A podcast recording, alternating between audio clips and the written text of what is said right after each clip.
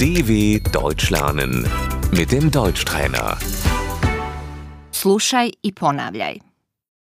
Gdje stanuješ? Wo wohnst du?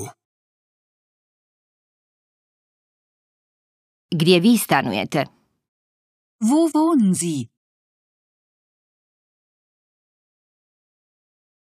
Stanujem u Berlinu. Ich wohne in Berlin. To je u istočnoj Njemačkoj. Das liegt in Ostdeutschland.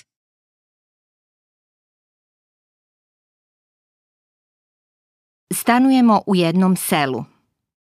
Wir wohnen in einem Dorf.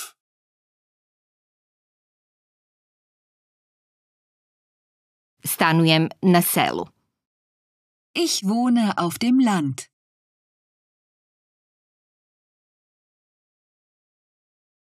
Gdje je to? Wo ist das? To je u Bavarskoj. Das ist in Bayern. Pokrajina. Das Bundesland. Koja je adresa? Wie ist die Adresse?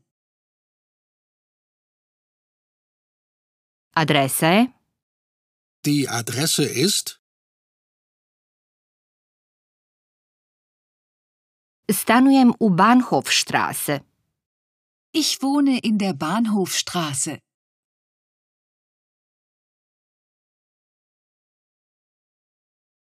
Stanujem kod prijatelja. Ich wohne bei Freunden.